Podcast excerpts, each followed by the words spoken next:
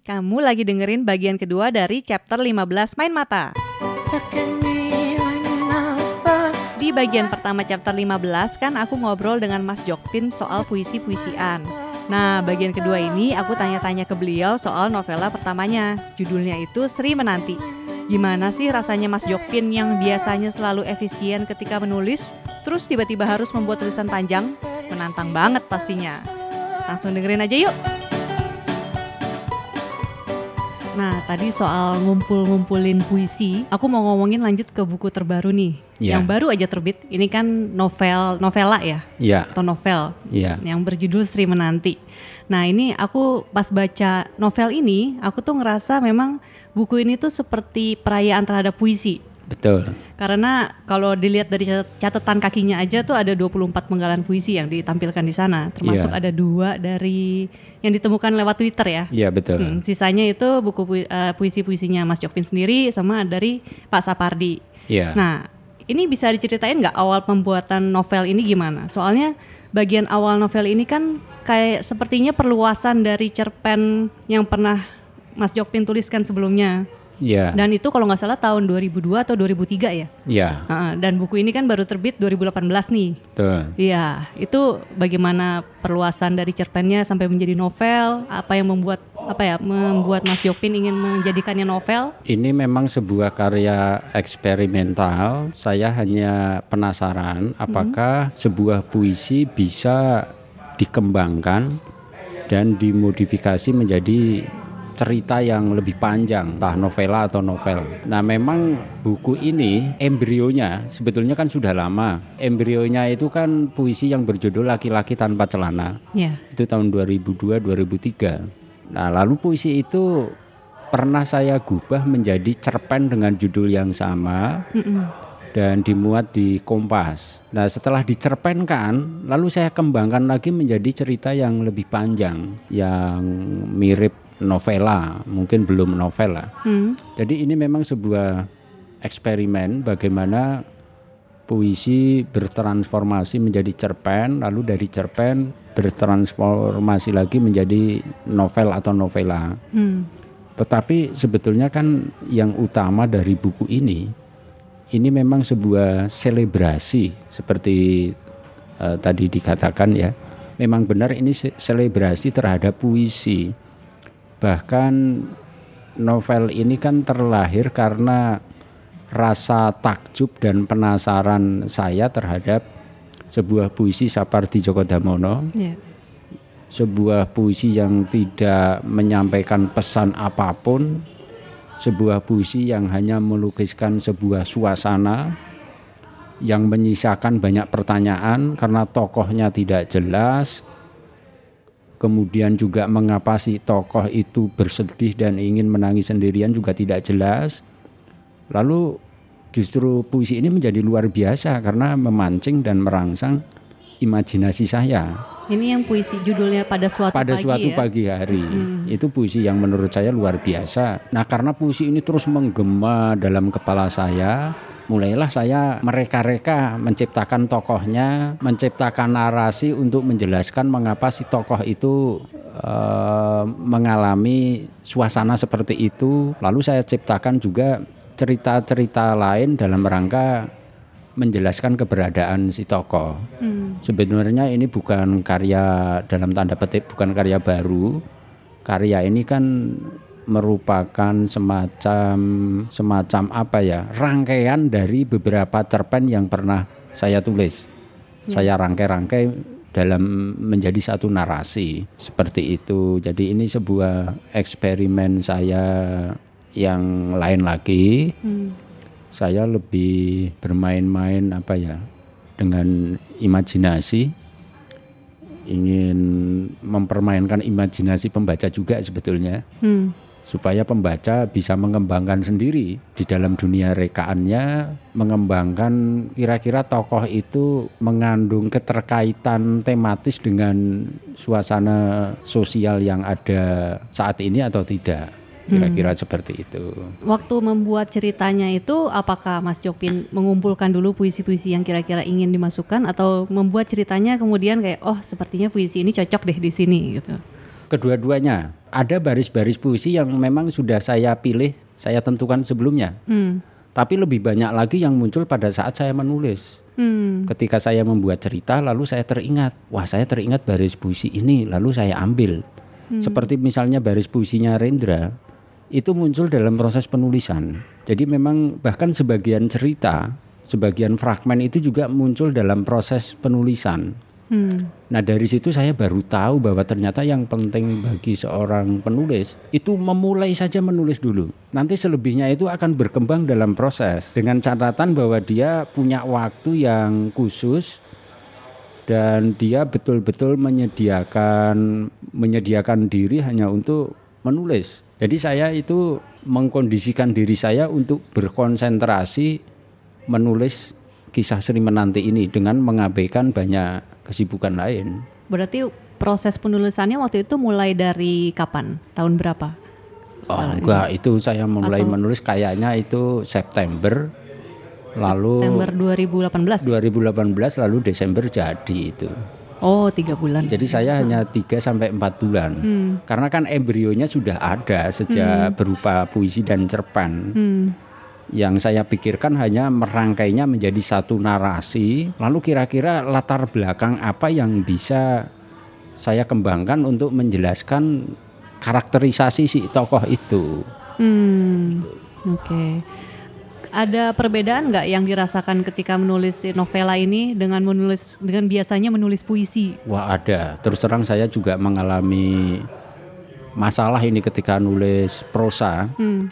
Ternyata saya ini orang yang sangat sulit untuk cerewet, untuk bawel. Untuk nulis panjang ternyata saya pikir mudah. Iya iya iya. Ternyata sulit, sulit itu. Aku pas baca juga memang eh, kalau menulis puisi kan memang selain soal bunyi juga efisiensi kata ya. Betul. Ini aku juga merasa memang tulisannya eh, efisien, Nah, tapi itu tapi juga bagus. ya tapi itu juga persoalan. Kalau saya mau nulis novel lagi kan saya harus melatih diri untuk untuk bawel, untuk banyak menjelaskan sesuatu.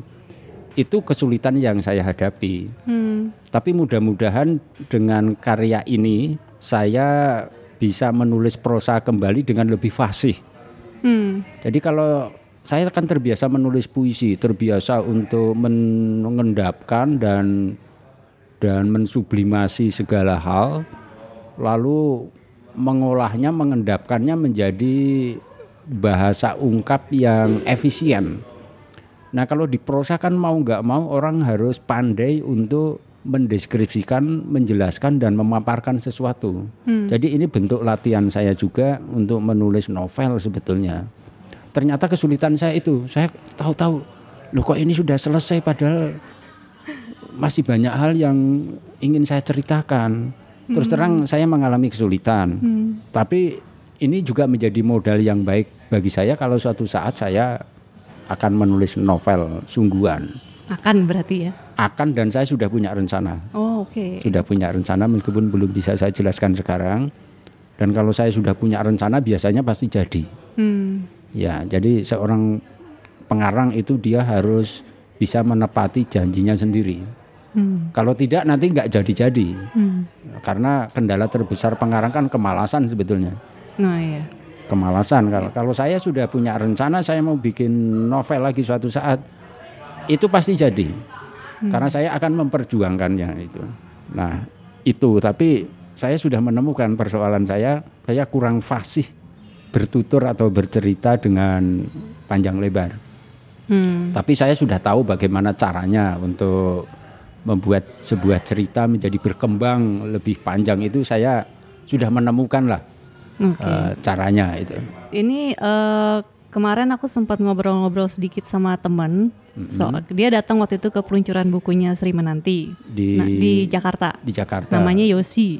Oh iya iya dia Ah. dia habis menerbitkan buku, buku puisi ya. juga, Iya, iya, betul. iya. Dia wa- pas ngobrolin bukunya dia sempat bilang, iya waktu ngobrol katanya Mas Jokpin belum mau dan belum bisa melepaskan tutur puisinya Betul, gitu. betul. Apakah ini ya tadi yang dimaksud? Iya betul karena saya kan mungkin dalam arti tertentu saya juga terpenjara di dunia puisi puluhan tahun. Ketika di usia seperti ini saya tiba-tiba menulis prosa tidak mudah juga Hmm. untuk melepaskan diri dari kebiasaan menulis puisi.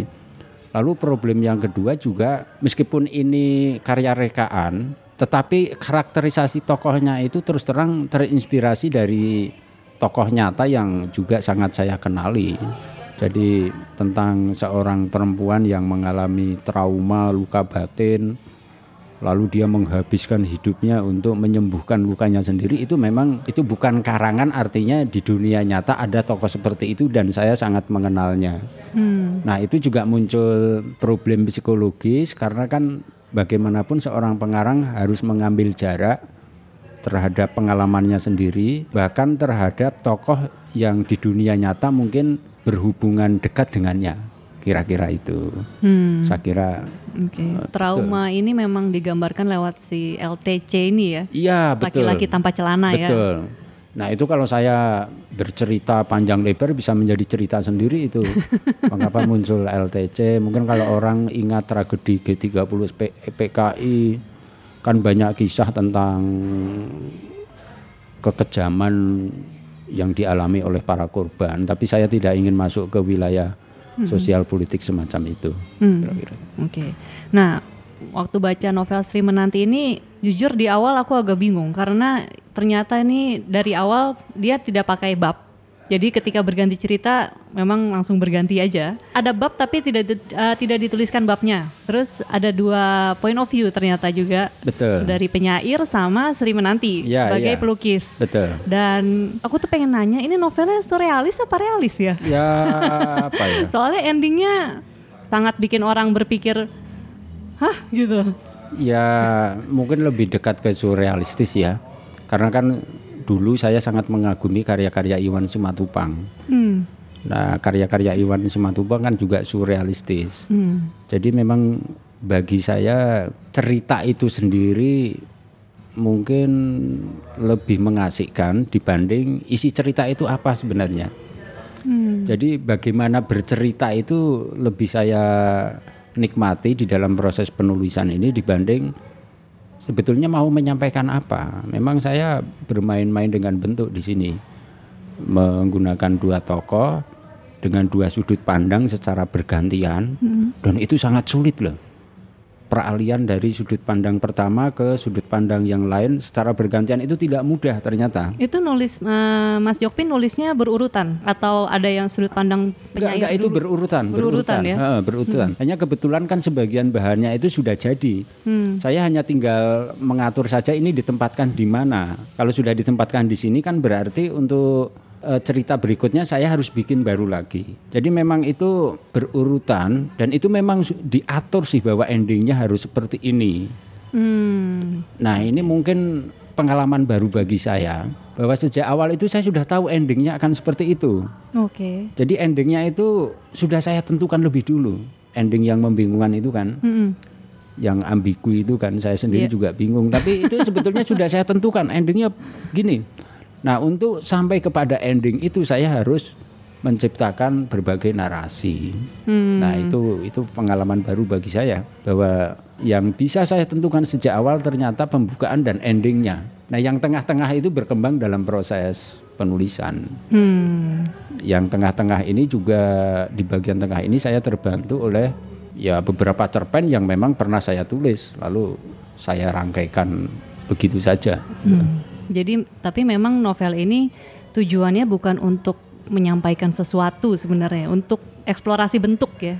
Eksplorasi bentuk, mungkin ini lebih ke apa ya mengajak pembaca untuk menyelami kondisi psikologis seseorang, hmm. seorang tokoh bagaimana kita bisa lebih bijak untuk menerima dan memahami karakter seseorang karena pasti perilaku dan karakter seseorang ini mungkin punya riwayat tertentu. Hmm. Nah ini saya hanya mengajak pembaca supaya menyelami semacam riwayat atau situasi historis yang membuat seorang tokoh kok berperilaku seperti itu. Hmm. Karena kan di tengah masyarakat kita, kadang kita ini jatuh pada sikap suka menghakimi orang lain tanpa kita tahu mengapa seseorang bisa seperti itu misalnya. Yeah. Nah makanya di dalam cerita itu, dalam cerita Sri Menanti, saya juga memasukkan semacam cerita yang secara tematis mungkin berkaitan dengan kondisi dan situasi aktual masyarakat kita. Hmm. Misalnya bahwa saya merasa ironis di zaman reformasi ini kecenderungan untuk melihat atau bersikap terhadap seseorang itu berdasarkan latar belakang identitasnya atau dengan kata lain politik identitas. Ya. Nah itu saya masukkan, saya masukkan bahwa hal-hal semacam ini yang justru bisa menambah trauma seseorang menjadi lebih parah karena dia hidup di tengah masyarakat yang suka mengadili orang lain berdasarkan latar belakang tertentu. Hmm. Jadi memang novel ini tidak berpretensi untuk menyampaikan pesan atau amanat moral tertentu, tetapi sebetulnya secara halus mungkin begitu selesai dibaca ada hal-hal yang bisa direfleksikan sebetulnya memang Ya. bahwa kita tidak bisa terus-menerus mendendam apa yang telah terjadi di masa lalu. Itu tidak akan menyelesaikan dan menyembuhkan luka batin seseorang. Ada kalanya memang kita harus bisa move on, eh, memutus hubungan dengan masa lalu yang menyakitkan lalu mencoba ya membangun semacam hidup baru. Hmm. Jadi sebetulnya ada banyak tema yang saya aduk-aduk di situ. Meskipun tidak ada pesan tunggal yang sifatnya eksplisit dan jelas apa itu. Hmm. Jadi memang buat yang belum baca bukunya Sri Menanti nih eh, di dalam ceritanya tuh tidak ada latar belakang yang benar-benar digambarkan secara jelas dia kondisinya kenapa. Apa misalnya kalau tadi Mas Jokpin referensi ke misalnya peristiwa 65 atau peristiwa 98 itu tidak digambarkan digambarkan langsung dia ke peristiwa itu tapi Betul. dia punya trauma masa lalu Betul. dan cara-cara mengatasinya juga tentang tadi politik identitas itu juga nggak digambarkan situasi yang real ya. Betul. Tapi betul. kayak baca puisinya Mas Jokpin sih. Jadi Memang orang tetap bisa menginterpretasikannya sendiri. Iya. Cuman bisa menangkap maksudnya apa gitu kayaknya betul. filmnya. Ya ini seperti puisi dalam bentuk narasi kira-kira begitu. Jadi eh, semacam muatannya itu puisi, tetapi bentuk luarnya itu cerita atau narasi. Tapi memang meskipun sebetulnya dalam cerita itu ada beberapa clue atau petunjuk Hmm. tokoh ini sebenarnya siapa yang menjadi sahabat si Sirmenanti ini siapa? Hmm.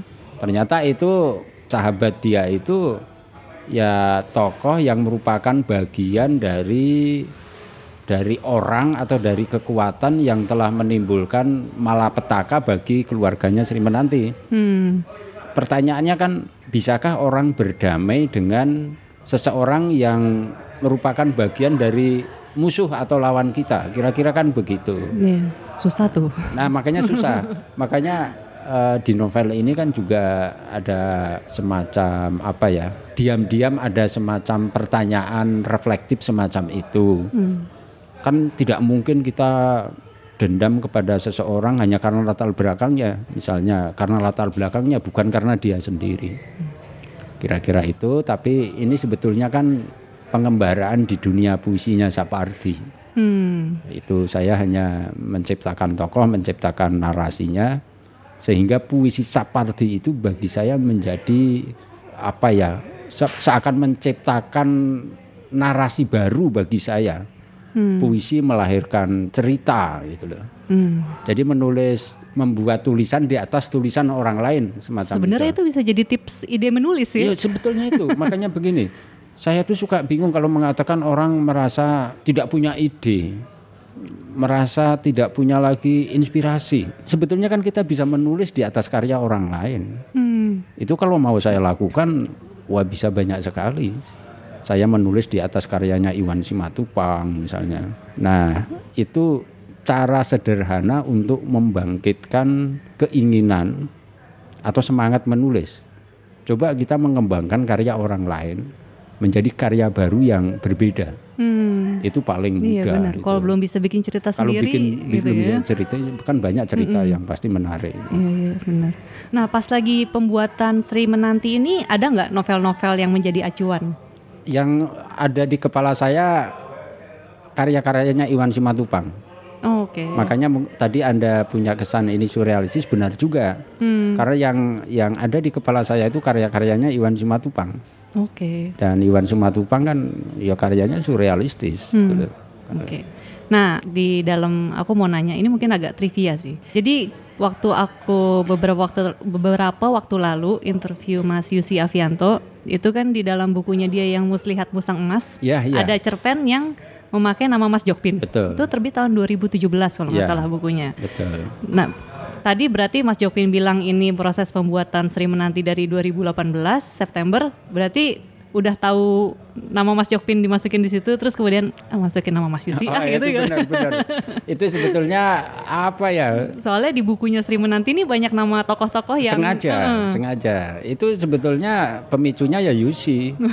Jadi kan saya tahu nama saya dipakai untuk tokoh cerpen dia. Mm-mm, nggak bilang-bilang katanya ya. Enggak, bahkan bahkan bahkan nama teman-teman sastrawan lain juga dia pakai. Hmm. Nah, ketika saya menulis ini dan saya bingung ini tokohnya saya namakan apa ya? Ya sudah saya ambil aja dari nama Yusi dan juga nama teman-teman yang lain. Hmm.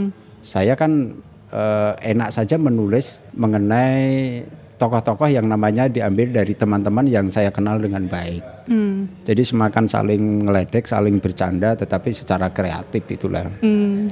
Dan sebagian yang saya ceritakan kan benar juga bahwa Yusi itu eh, sangat terkenal dengan panggilan paman Yusi. Ya. Dia guru banyak penulis muda dan guru yang baik meskipun saya ceritakan secara bercanda. Jadi saya menulis mengenai nama teman-teman yang memang saya kenal baik mereka itu. Hmm. Ya, Dan tapi tidak ada- karakternya masih mirip-mirip Masih dengan mirip-mirip. aslinya. Ya ada yang enggak juga. Misalnya tentang Aan Mansur kan saya ceritakan seperti itu. Iya, iya. Tapi saya merasa nyaman karena saya kenal dekat dengan mereka. Hmm. Meskipun saya tidak bermaksud untuk semacam menunjukkan bahwa saya punya kelompok tertentu, enggak juga. Itu karena saya prosesnya begini. Saya sudah punya ceritanya, lalu saya harus mencari tokoh yang kira-kira sesuai Hmm. dengan tokoh cerita saya. Begitu saja. Bilang-bilang nggak kalau Mas Jopin Enggak. pakai nama mereka? Enggak. Enggak. Tahu-tahu jadi. Oke. Nanti kalau bilang mereka tidak Nggak mau ya? nggak mau gimana? saya enggak peduli, Nggak pokoknya jadi izin dulu ya. pokoknya jadi dulu. Saya nggak bilang-bilang bahkan. Oke. Bahkan Faisal itu dia baru sadar namanya dipakai setelah dia membaca itu. Oh gitu. Faisal Odang. misalnya. Saya nggak nggak bilang-bilang gitu. Oh. Bahkan Pak Sapardi pun nggak saya beritahu itu. Oh, Oke. Eh, saya suka aja mungkin di buku saya berikutnya juga saya akan menggunakan nama para sastrawan lah biar mudah gitu aja. Sebetulnya ada keuntungannya kalau kita mau meriset kegiatan para pengarang Indonesia ini kan bisa menjadi bahan Hmm. lalu kita masukkan ke dalam karya rekaan begitu. Oke. Kalau Sri Menanti sendiri namanya diambil Nah dari itu mana? satu-satunya nama yang betul-betul rekaan. Jadi saya sebetulnya saya itu suka dengan kata menanti di situ. Hmm. Kan menanti artinya menunggu. Iya. Jadi tapi kalau namanya hanya menanti apa ya yang bisa digabungkan? Nah, orang Jawa kan nama Sri ini sangat populer, nama yang banyak digunakan orang. Saya gabungkan aja Sri menanti. Hmm. Tapi saya tidak ingin membuka membuka kunci ini ya, membuka karena ini kan rahasia ya. Hmm. Tapi sebetulnya kan sangat sangat mencurigakan kan. Sri menanti. Menanti Nah, apa? menanti gitu ya? apa? Tapi itu nggak mau saya ceritakan kalau itu. Oke. nah, aku mau kasih tahu juga ini. Jadi ada satu bagian juga yang aku suka di dalam bukunya. Eh, tadi sebelum rekaman juga aku sempat bilang ke Mas Jokpin yang bagian si penyair lagi stuck ceritanya, terus dia ngobrol-ngobrol dengan objek-objek di sekitarnya. Ya, ada ya, ya. kursi, ada lampu gitu. Betul. Terus kenapa pas yang bagian kucing dia cuma jawabnya meong? Ya Sementara yang objek-objek mati malah dia bisa berbicara panjang lebar. itu cara supaya kita nggak usah terlalu cerewet. Gitu ya. Ya, siapa yang bisa menghentikan itu kan menurut saya kucing itu efisien sekali dengan meong itu aja dia udah. Hmm. Itu kan jawaban singkat tapi sangat sangat dalam maknanya. Hmm. Itu kan si aku sedang gelisah lalu semua ditanyain. Iya. Nah, supaya dia tidak kegelisahannya tidak berkepanjangan, Hmm. itu kan harus dihentikan. Nah, saya harus menciptakan tokoh yang bisa menghentikan itu siapa? Hmm. Ya udah kucing.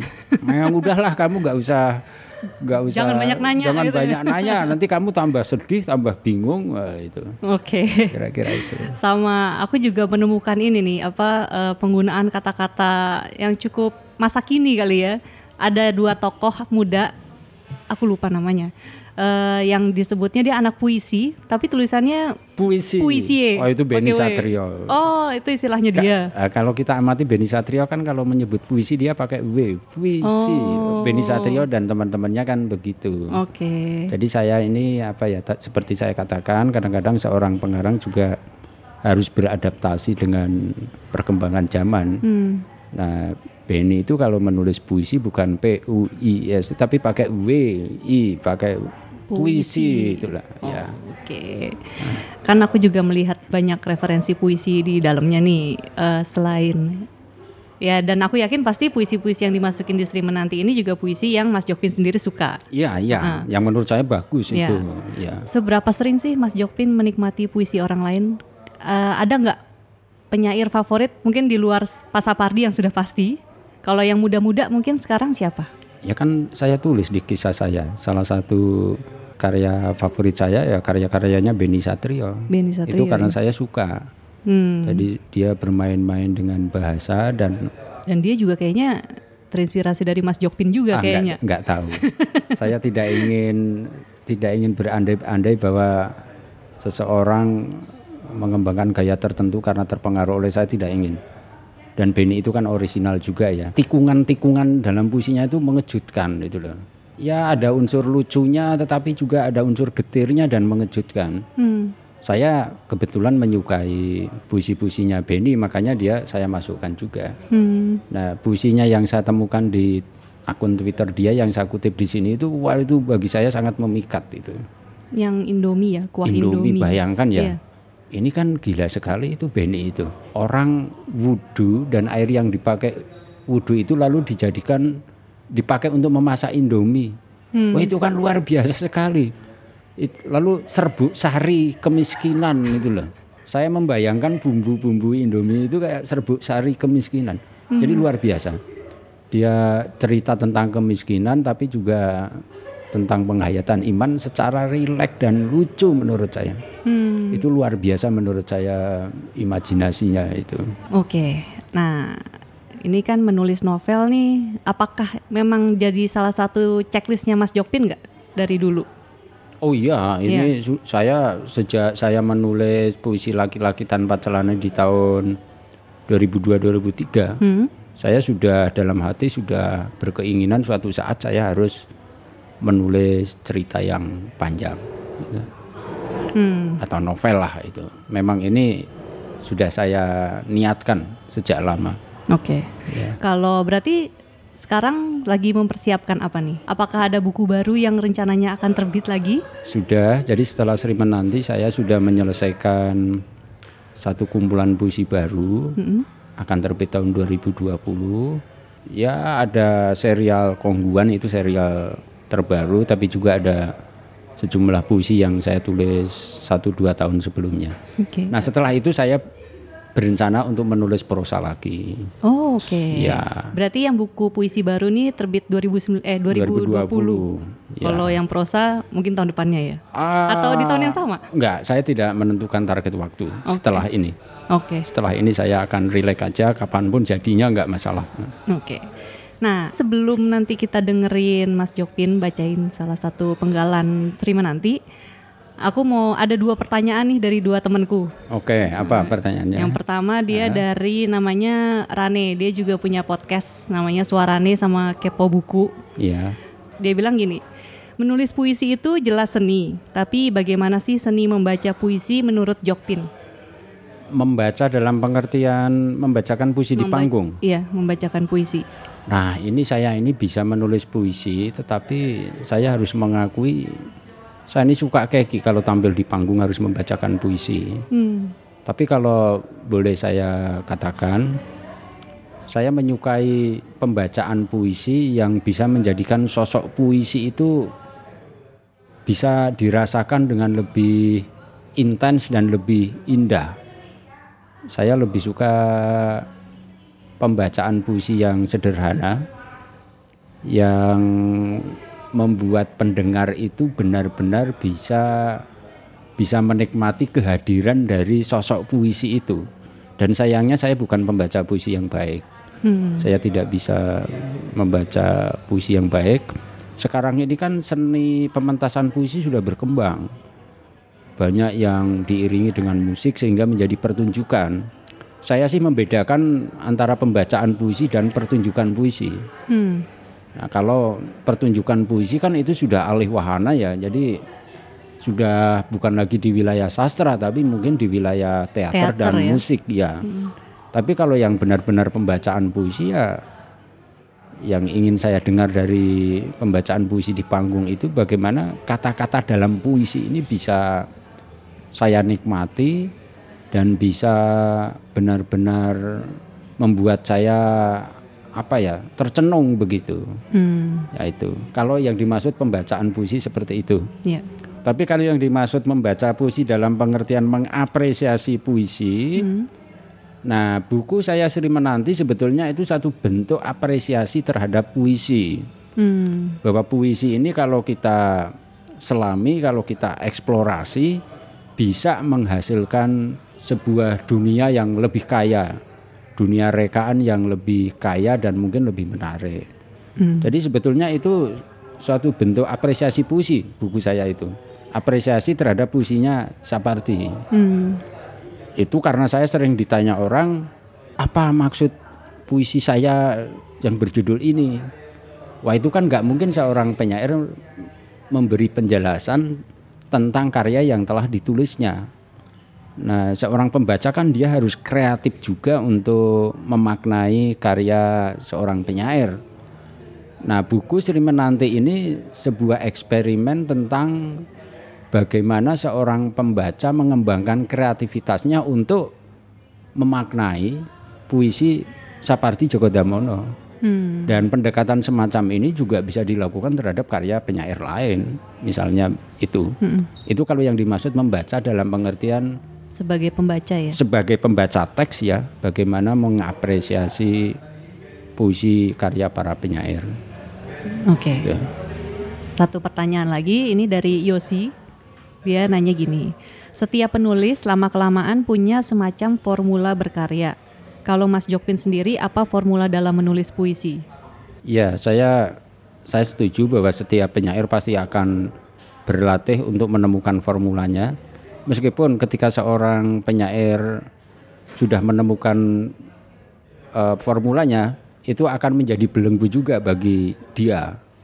Saya mengalami terbelenggu oleh celana misalnya. Hmm. Sehingga wah lama-lama saya bisa stagnan di situ. Lalu saya ha- harus bisa menemukan mungkin narasi-narasi lain yang berbeda dari celana. Tapi kalau yang paling pokok bagi saya, saya ingin menulis puisi yang kalau orang membaca itu orang tidak bertambah stres dan bertambah pusing. itu yang penting. Saya kira Yosi juga setuju kalau saya baca puisi-puisi dia. Oke lah kita bisa menulis tentang kepahitan hidup, tentang berbagai problem hidup yang berat. Tapi saya ingin orang ini setelah membaca puisi yang ditulis para penyair, dia bisa merasa gembira, bisa merasa rileks dan bisa bercanda dengan hidupnya sendiri. Hmm. Oleh karena itu saya sangat menyukai gaya para penyair yang kadangkala nakal-nakal gimana ya. Kelihatannya gayanya itu ya nyantai. Saya sangat menyukai puisi-puisi semacam itu. Hmm. Dan itu juga yang coba saya kembangkan. Kalau saya baca puisinya Yosi kan itu ringan-ringan, rileks meskipun itu refleksi mendalam terhadap berbagai tema kehidupan. Hmm. Nah mungkin selera saya agak berbeda dengan selera sastra yang sering diajarkan di sekolah misalnya. Kalau saya sih memang puisi itu justru sarana untuk menciptakan relaksasi. Saya ingin kalau orang membaca puisi saya itu lalu bisa ya rileks, bermain-main dan ya bergembira dengan hidupnya sendiri. Hmm. ringan-ringan saja ringan tapi berat. Gimana ya? Susah melukiskannya. Daripada kita berpretensi menulis karya yang wah yang serius yang berat tapi ternyata tidak menyisakan apa-apa di dalam jiwa dan kepala pembaca ya menurut saya percuma itu. Mungkin mudah dipahami tapi meninggalkan kesan ya. ya mudah dinikmati Mudah tapi dinikmati. meninggalkan kesan. Mm-mm. jangan terbalik Jangan wah ini kok puisi malah bikin kita jadi tambah pusing kan. Menurut hmm. saya ya percuma kalau begitu nggak usah membaca aja. kalau saya ada unsur seperti itu, yeah. meskipun saya juga tidak selalu berhasil. Nah hambatan utama seorang penyair terutama kalau dia terlalu dibebani oleh misi atau amanat tertentu, justru itu yang akan mengganggu. Hmm. Dan saya juga beberapa puisi saya mungkin mengandung penyakit semacam itu. Saya sok pengen menulis tentang tema sosial yang penting tetapi puisi saya jadi kehilangan sifat rileksnya semacam itu. Hmm. Oke. Okay. Begitu ya. Iya. Moga-moga menjawab sih. Oke, okay, makasih banget Mas Jopin buat waktunya udah ngobrol-ngobrol. Sekarang kita dengerin yuk pembacaan dari Mas Jopin dari penggalan singkat buku Sri Menanti. Baik, saya akan membacakan salah satu fragmen dari buku Sri Menanti dan ini ini fragmen yang dipilih ini kebetulan bisa merangkum keseluruhan perbincangan tadi sekaligus juga bisa merangkum mengenai apa yang menjadi obsesi saya selama ini, yang menjadi kegelisahan saya. Saya pernah ditanya wartawan, lukisanmu termasuk aliran apa? Saya malas dan tidak tertarik menjawab pertanyaan semacam itu. Saya tidak tertarik pada label. Saya pernah iseng bertanya kepada Mas penyair, "Mas, puisimu termasuk aliran apa?" Dengan enteng ia menjawab, "Puisiku mengalir saja." Hari-hari ini kegemaran bermain label kembali merajalela dan banyak orang lupa atau tidak menyadari bahayanya. Situasi kian runyam jika perang label sudah membawa-bawa agama. Menor baru saja bercerita, temannya putus hubungan dengan calon lakinya gara-gara urusan pemilu. Apa yang dipersatukan oleh cinta ternyata bisa diceraikan oleh politik. Saya juga punya teman yang kehilangan teman karena cekcok soal ideologi. Diam-diam saya jeri menanggung beban yang diakibatkan oleh permainan label dan stigma. Namun bagaimanapun saya mencintai hidup ini. Di saat-saat rentan hati, ingin rasanya saya pergi mengasingkan diri pergi jauh ke sebuah pelukan dan berlabuh di bahu seseorang. Tapi pelukan siapa? Bahu siapa? Hati saya tertambat pada sebuah cuitan manis yang saya temukan di lini masa. Inginnya bersandar di pundakmu sambil dielus-elus kepala lalu berbisik, ini lebih enak ketimbang bersandar pada ideologi. Terima kasih udah dengerin bagian kedua obrolan dengan Mas Jopin. Kembali lagi sebelum ditutup, aku mau kasih tahu ke kalian kalau tim Main Mata lagi galang dana untuk musim ketiga tahun 2020. Yang dijual itu bentuknya merchandise kaos bergambar kucing dan buku. Hasil penjualannya akan dipakai untuk biaya operasional podcast Main Mata, misalnya untuk editing konten dan optimalisasi alat. Tujuannya tentu saja supaya kami bisa merilis hasil yang lebih baik lagi. Ilustrasinya seperti apa, warna baju dan ukurannya kayak gimana, cara pemesanannya gimana, semuanya bisa kamu lihat di Instagram @potluckpodcast.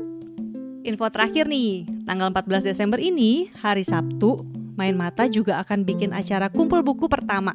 Formatnya itu book swap alias tukeran buku. Lokasinya di Deko Rumah Experience Center lantai 2. Itu lokasinya di sekitar Radio Dalam, Jakarta Selatan. Ada kok di Google Map. Googling aja Deko Rumah Experience Center. Kalian semua tentu saja aku undang buat datang dan jangan lupa bawa buku yang pengen kamu tuker pas acara.